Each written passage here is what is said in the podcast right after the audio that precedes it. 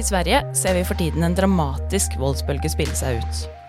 Også her hjemme frykter stadig flere en lignende utvikling. Derfor vil vi i denne episoden trekke frem utviklingen i bydel Grorud. Her har de nemlig kraftig redusert ungdomskriminaliteten. Hvordan fikk de til det? I tillegg vil dere få høre en inspirerende historie fra en som jobber med nettopp dette. Velkommen til en ny episode av Oslopodden, din ukentlige nyhetspodkast fra lokalavisen Vårt Oslo.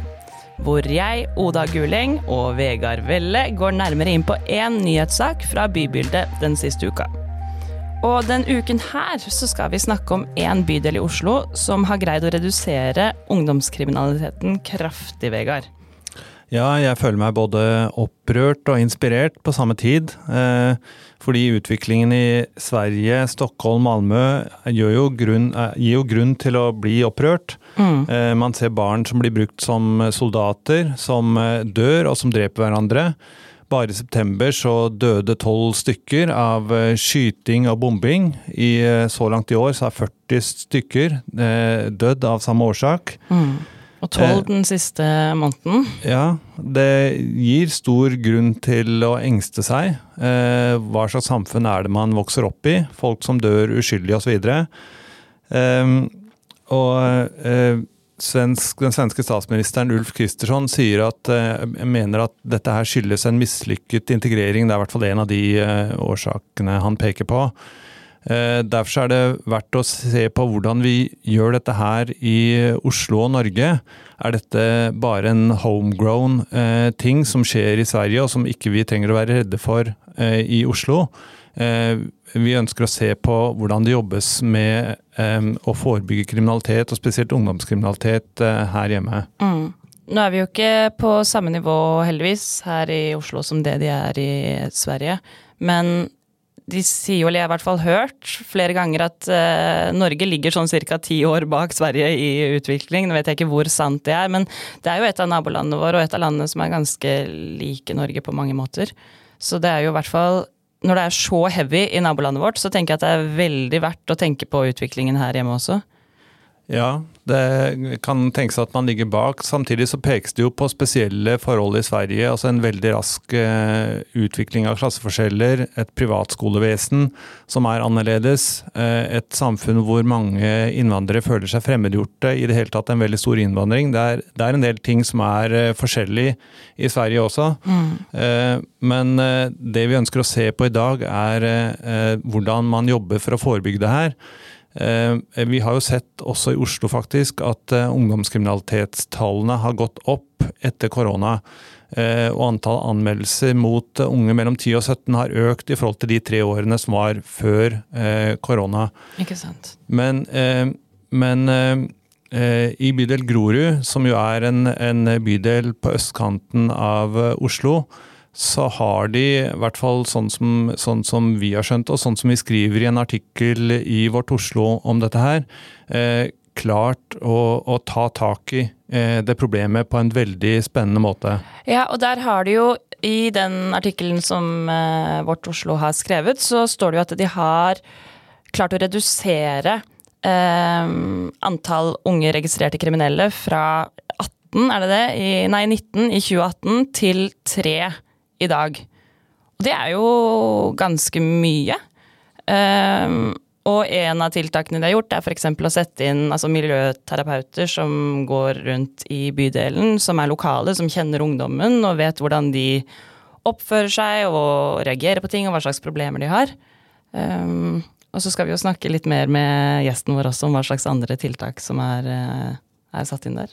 Ja, sånne tall går jo gjerne inn det ene øret og ut det andre øret. Ja. Altså eh, 19 i 2018 ned til 3 i dag. Eh, vi kan oppsummere at det er i hvert fall kraftig redusert antall ungdomskriminelle mm. i, i, bydel Grorud. Som eh, i forhold til sammensetningen av mennesker som bor der, da, så skulle man kanskje tro at det ville være en, en langt større ungdomskriminalitet enn hva som er tilfellet.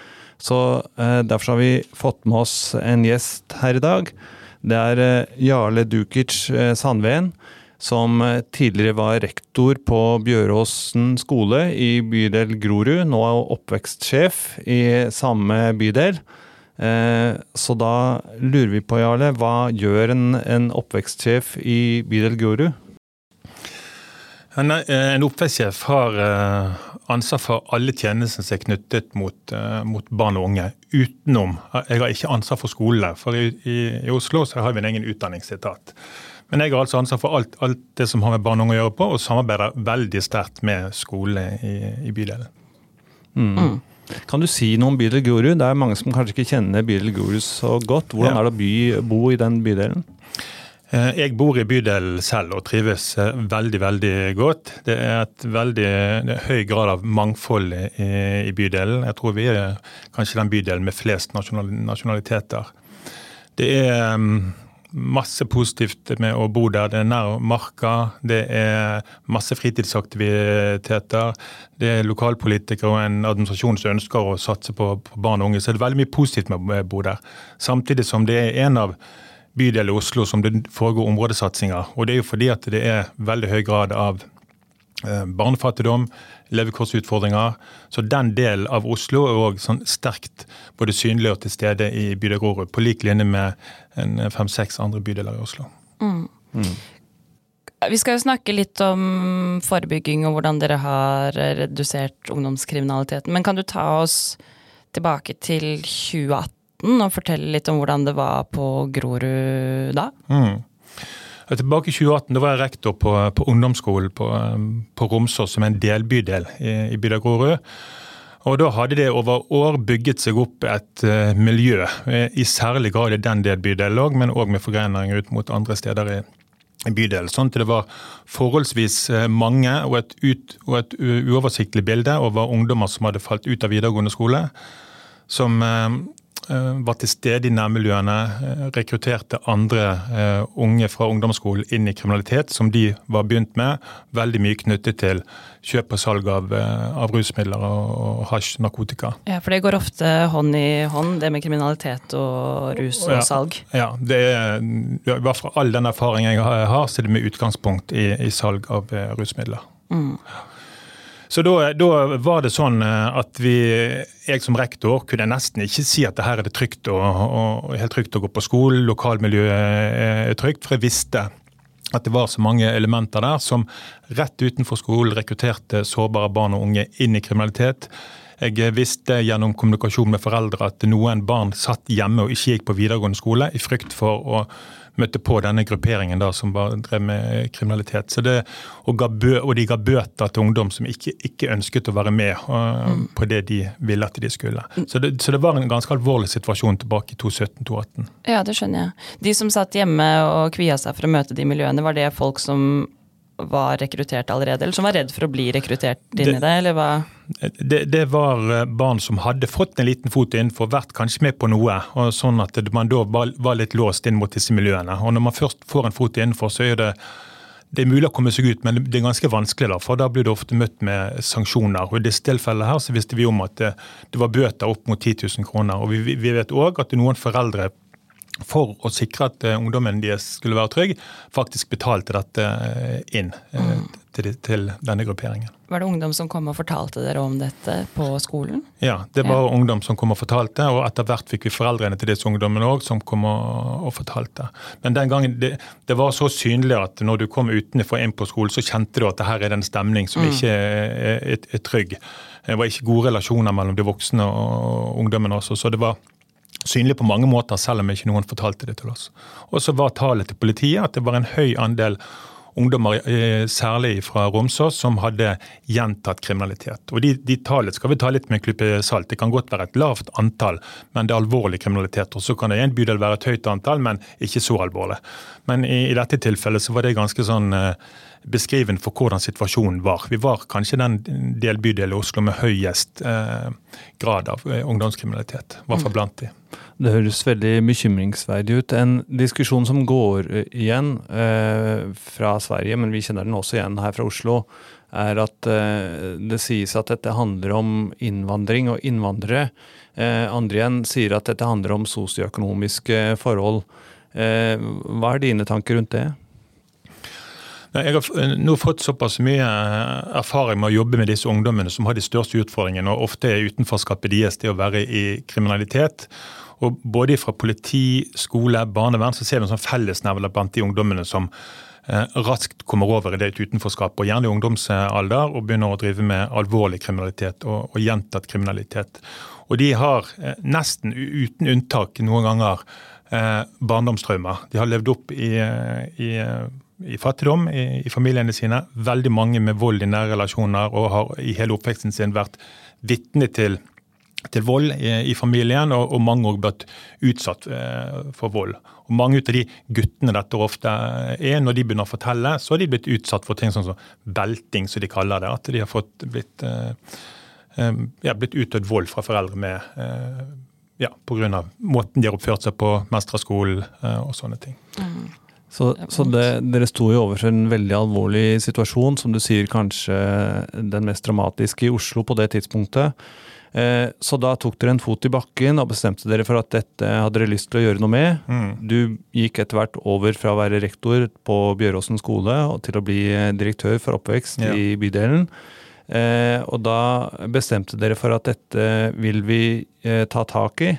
hva var det dere da tenkte at dere ville gjøre? Ja i første omgang, når, når, ehm, når utfordringene var så, så store som de var, så, så, mente jeg at det var helt nødvendig å belyse dette her. Så dette, det, det, ble en sak som fikk oppmerksomhet i, i flere medier i Oslo og eh, nasjonalt. sånn at det, Eh, jeg syns det var et dilemma å gå ut og fortelle dette. For jeg opplevde ikke at kommunen klarte å samhandle hverandre og, og jobbe sammen i disse utsatte områdene, som bl.a. Romsås var. Det var ganske stor oppblomstring òg på Holmlia og Søndre Nordstrand på, på, det tidspunktet. Ja, mener du da at bydelen ikke samarbeidet seg imellom, eller at Oslo kommune Ja, bydel, eh, ikke bydel også, men internt bydel. Da har, vi, mm. da, har vi, en utdanningsetat, vi har skole der inne, vi har en barnevernstjeneste, vi har en fritidssektor, vi har, mm. vi har politi, vi har barne- og ungdomspsykiatrien.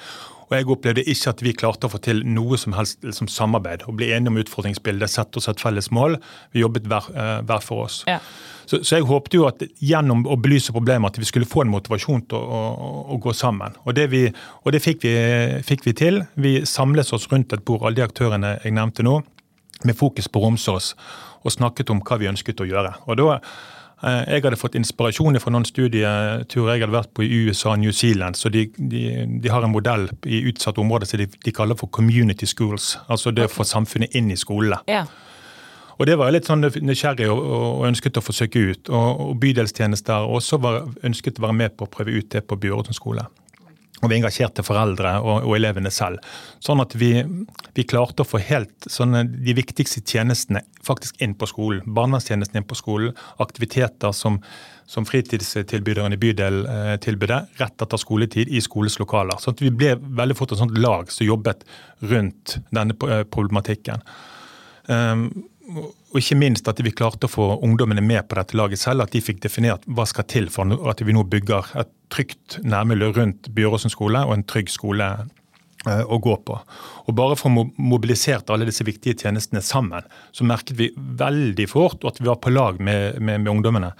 Eh, en endring av, av, av klima fra å være liksom veldig sånn hardt mot hardt fra, fra, det offentlige mot ungdommene, at vi sto sammen eh, om det. Og ikke minst at foreldrene ble engasjert. Det er spennende så det, så det du sier var, om at dere fikk med dere elevene. Hva var elevene opptatt av? At dere skulle, altså måten dere skulle jobbe på? Eleven var, er veldig opptatt av gode relasjoner. Selv om man, man, noen ganger kan tro når man ser ungdom, så er opposisjon mot, mot det offentlige og mot, mot, voksne. Det at de, de ønsket uh, mindre fokus på anmerkninger på skolen, mindre fokus på at vi må ut av skolen straks det er skoletiden over. Vi ønsker en skole som eh, ønsker oss velkommen før skoletid. Vi kan være her, vi kan gjøre lekser. Eh, mm. De, de, samlet veldig mye et idrettstilbud. Det var noen av de, Alle kom eh, med det at det var lite tilbud knyttet til idrett og, og, fri, og fritid. Sånn at Vi gjorde noen sånn drastiske grep med, både med skolen og med, med, med fritid. Så, så, mye gikk på å ta ned alle disse straffemekanismene som eh, både skole- og oppveksttjenester, barnevernstjenesten ofte tyr til i mangel av andre eh, våpen. Så vi, vi, vi ville stole på det og lytte på at elevene at de selv kunne komme med de gode mm. løsningene. Så mindre fokus på straff og litt sånn strenge regler, som du sier, og mer i dialog med ungdommen Ja. selv. Da.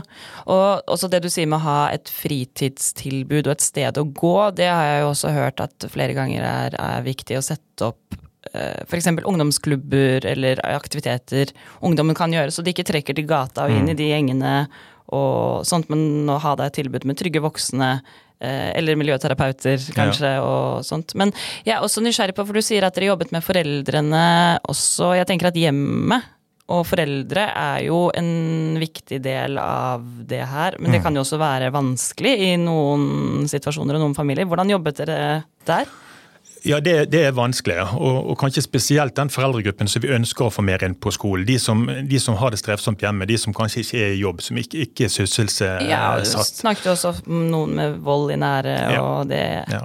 Så Måten vi gjorde det på, det var å tenke hva kan disse bidra med. Og, og blant annet så ønsket eh, flere av våre tjenester og elevene å, å ha frokostservering på, på skolen. Det startet vi med. Mange av disse mødrene er jo veldig flinke til det å lage mat. De hjemmelager mat. Så vi fikk rekruttert en god del ut av de til å komme på skolen, være med og sette frem mat. Rydde opp etterpå, eh, var til stede. Barn de så at, eh, at mødrene var en ressurs istedenfor noen som ikke var inkludert på skolen. Så det merket vi veldig sånn sterkt, det der at, at de faktisk kunne bidra inn. Så vi, vi fikk rekruttert en god del av den mest eh, sårbare foreldregruppen, samtidig som vi er helt avhengig av at de ressurssterke, da, for å si det sånn, at de er de som går i front og viser at her skal vi stå sammen med, med skolen og lokalmiljøet, og ikke stå mot eh, hverandre. Jeg syns det er veldig interessant det du sier der, fordi eh, man snakker jo om at respekten for de eldre minsker. Man snakker om at respekten for institusjonene, for autoritetene, eh, går ned. Og man hører lærere og skoler som sier at man ikke lenger har virkemidler. Eh, det samme kan jo kanskje også foreldre snakke om, at de ikke lenger har virkemidler. Eh, Da kommer staten eh, gjennom barnevernet på banen. Eh, straks man, man tar i bruk autoriteten sin. Eh, så det å si at det fins et hierarki, det fins virkemidler, eh, det er kanskje noe vi må begynne å snakke om igjen. Ja, Vi må det. Og så er det dessverre sånn at de virkemidlene som kanskje virker best inn mot disse sårbare som har vokst opp med store barndomstraumer med vold, de trenger å bli møtt på en måte som kanskje ikke de vi skal beskytte mot dette her, eh, så er bra for de. For, det, for den forskningen som vi kjenner veldig godt til nå, at hvis vi møter disse som eh, har disse barnestrømmene som er ganske aktivert med følelsene sine. De, de klarer ikke helt å regulere følelsene. altså De kan det ikke, fordi det har vært så mye traumer i oppveksten eh, sin. At hvis de blir møtt med bare med korreksjon, med, med refs, med anmerkninger på skolen, med politiet stopper de på, på gaten, med tvang fra barnevernstjenesten på tiltak, med ekskludering, utvisning, droppet fra videregående skole, så vet vi at det virker ikke i det hele tatt på de. Det i beste fall opprettholder vanskene, og i veldig stor grad så bidrar vi med den eh, måten å, sette inn tiltak mot disse gruppene på til at det, det forsterkes, og at det blir større sjanse for et utenforskap. Og Disse trenger å bli møtt med en forståelse, de trenger å bli møtt med dialog, de trenger å bli møtt med voksne som har tid til å skape den relasjonen som de ikke har hjemme. For Den forskningen som, som går på barnehjernen, og sånt, den sier at det, selv om vold fortsetter hjemme, at ikke vi får avdekket den, gjennom å møte de på skole, på fritid, med regulerte voksne som ikke, ikke bare avviser og ekskluderer, så kan vi faktisk begynne å reparere det uh, også. og Det er det positive med det vi vet uh, nå. Og Så kommer det veldig i dilemma med det som Og jeg forstår lærerne i skolen. For der er det sånn at De skal beskytte de som blir uh, utsatt for mobbing. De skal beskytte seg selv. Ja.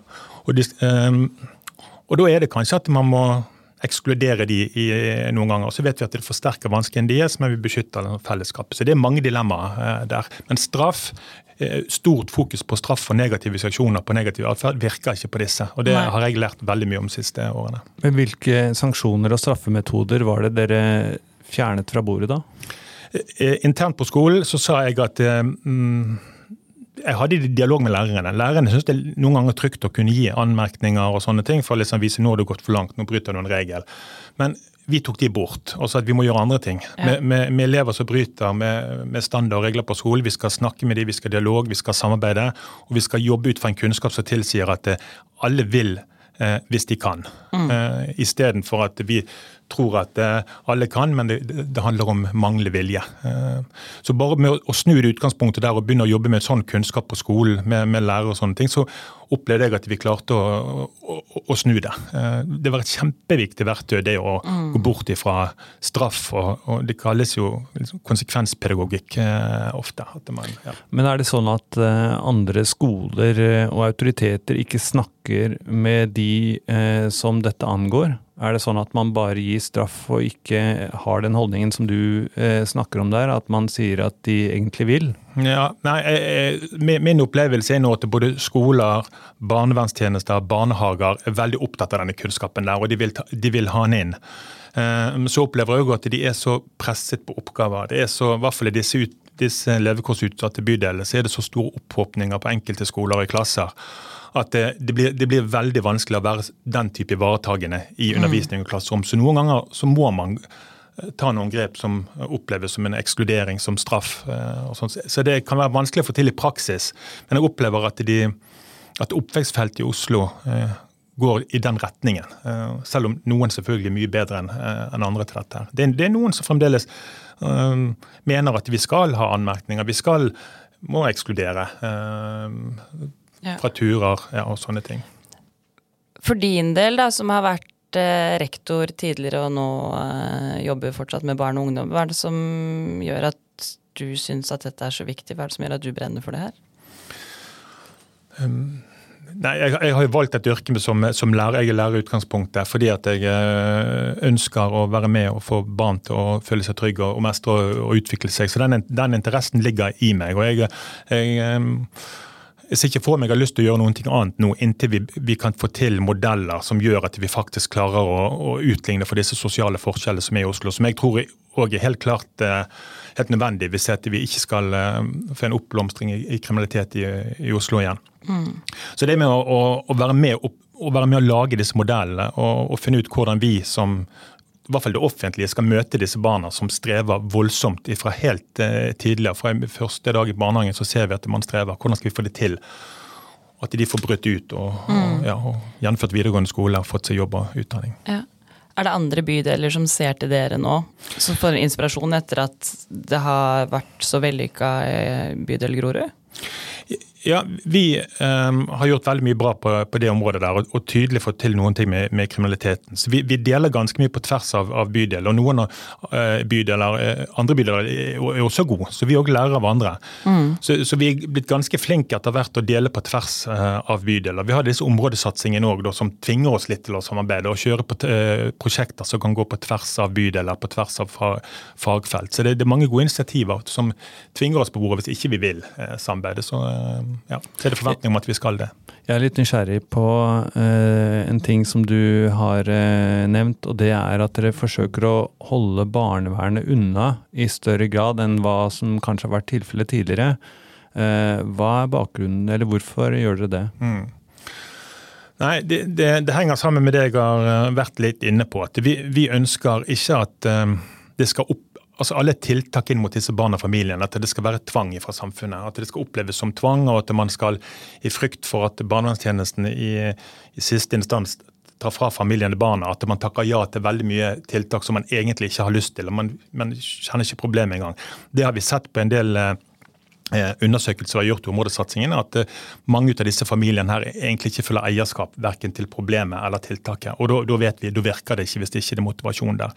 Så vi ønsker å skape en veldig høy grad av motivasjon og frivillighet. Skal du ta imot en hjelp fra bydelen vår, så skal du ikke gjøre det fordi at du blir straffet hvis ikke du gjør det. Og så, Selv om ikke barnevernet jobber sånn, så er jo eh, ordet på gaten blant barnevernstjenesten og ryktet til barnevernstjenesten, spesielt i disse miljøene her, er jo at det er en tjeneste som er bare ute etter å, å, å ta, fra, mm. ta, uh, ta, fra familiene barna uh, sine. Mm. Og det, det, er ikke sånn det er i barnevernstjenesten. Samtidig så ønsker vi at barnevernet skal jobbe med de mest alvorlige sakene. Og alt dette her som uh, ikke handler om at det, når, når, barnevernet må gå inn med tvang, alt det ønsker vi skal uh, løses på et lavterskeltilbud uten noen henvisning av vedtak. Det skal gjøres enkelt og greit, og du skal ja. kunne gå ut når du vil og komme inn når du, når du, vil. Tror du det også er en nøkkel her for at det er, er vellykka? Uh, når det gjelder akkurat det at vi nå har ganske bra oversikt og får kontroll over de ungdommene som eh, er i fare for å begå alvorlig kriminalitet eller gjentatt kriminalitet, så handler det veldig mye eh, om det. At vi har gått inn på tidlig stadie, at dette her er, er, er frivillig. Um, og at det ikke er en del av eh, betingelser for politi eh, mm. eller barnevern. De vil det selv, og familiene vil selv ha den eh, hjelpen. Mm. Så de kommer til dere og anser dere som trygge voksne utenfor som de kan snakke med, og som kan hjelpe dem å komme seg ut av dette? Ja. ja. Vi snakket eh, tidligere om at du kunne fortelle oss en eh, inspirerende historie om hvordan dere har eh, klart å lykkes eh, med å få noen ungdomskriminelle vekk fra gata. Mm. Kan du fortelle oss eh, den historien?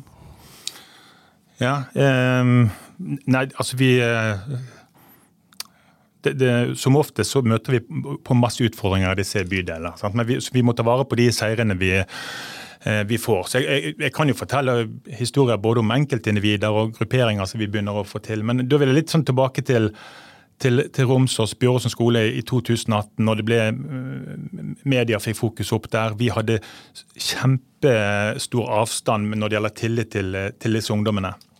Hver eneste helg, eh, eller hver eneste mandag så møtte vi på sabotasje på skole, vært innbrudd på skole. Det var tydelig at de var veldig imot det offentlige.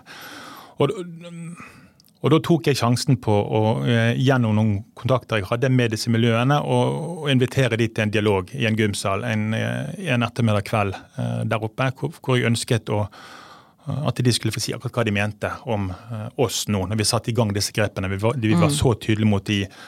Um, og den dialogen jeg fikk til da, å, å lytte på de, de fortalte hvordan de opplevde stigmatisering fra, fra, fra voksne, hvordan de opplevde å bli møtt av skole og av systemene. Så for, så skjedde det et eller annet eh, med meg da som gjorde at jeg eh, Og da var de òg utvist fra idrettslagene på Romsås. Fikk ikke lov å være med på å spille fotball lenger fordi at de bidro til så mye ubehageligheter både på trening og etter trening.